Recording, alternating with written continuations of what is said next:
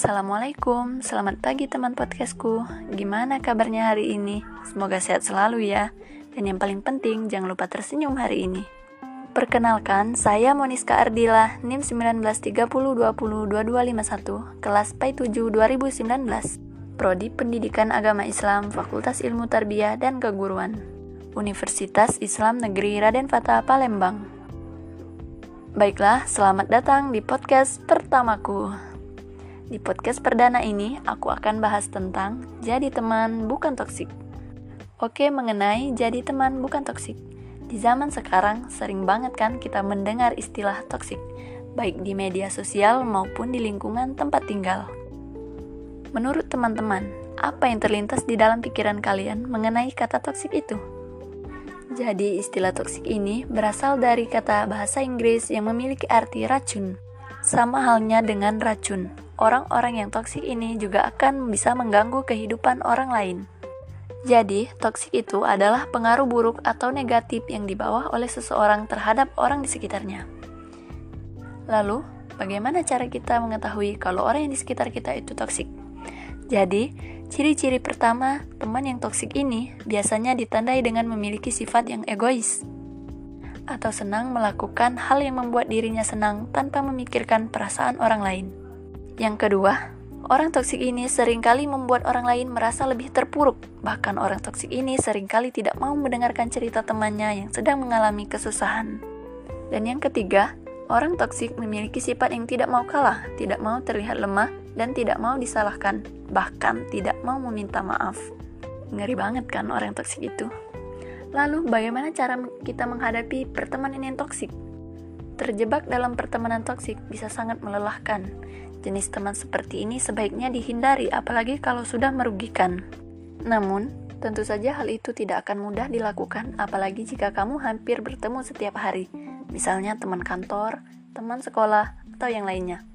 Saat terjebak dalam pertemanan toksik, ada beberapa hal yang harus bisa kita lakukan, di antaranya yang pertama, Kenali sifat yang beracun. Penting untuk mengenai apa saja sifat beracun alias toksik yang ditunjukkan oleh seorang teman. Dengan begitu, kamu bisa mencari tahu apakah orang tersebut memang beracun atau hanya menjadi teman toksik kepadamu saja. Berani katakan tidak. Merasa tidak enak saat harus menolak permintaan teman sangat mungkin terjadi. Namun sebaiknya pastikan bahwa teman toksik tidak bersikap semaunya dan berlebihan memutuskan untuk bertahan dengan teman toksik itu tidak masalah. Tapi kamu harus mengetahui konsekuensi dan kemungkinan yang akan terjadi. Jika sudah dirasa sangat berlebihan, cobalah untuk berani mengatakan tidak dan melawan apa yang dilakukan oleh teman beracun tersebut.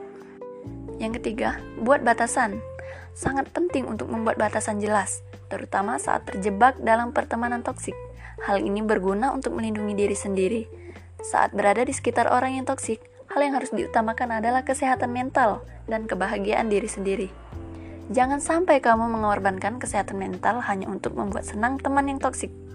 Berteman dengan yang lainnya, itu poin yang keempat.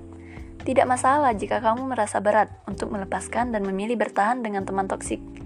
Namun, sebaiknya usahakan untuk tetap berkomunikasi dengan dan berteman dengan teman yang lainnya yang tidak tergolong sebagai teman toksik. Kamu bisa berbagi cerita dan meminta pandangan yang objektif dari orang yang berada di luar lingkaran pertemanan toksik.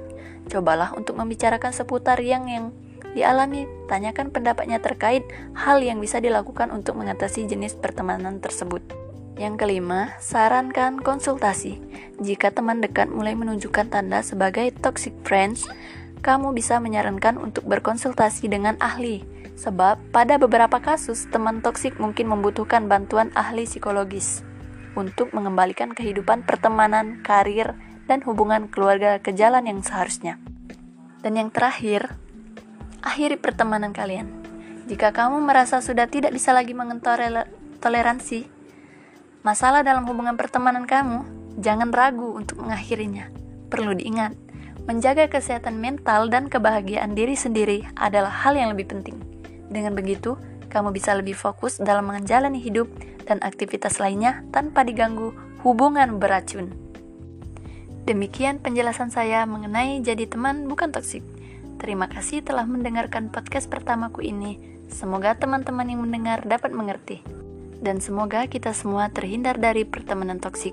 Mohon maaf apabila salah kata dalam penuturan kata dan kepada Allah saya memohon ampun. Saya akhiri wassalamualaikum warahmatullahi wabarakatuh.